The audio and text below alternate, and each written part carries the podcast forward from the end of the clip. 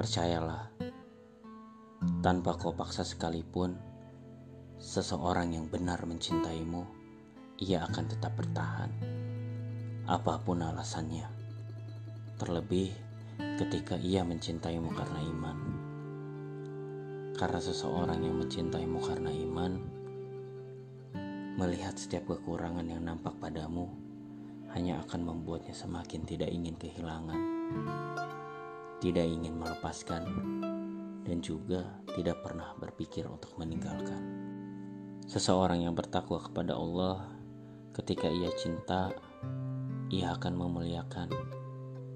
Bahkan ketika dia tidak menyukaimu sekalipun, dia tidak akan mampu menyakitimu.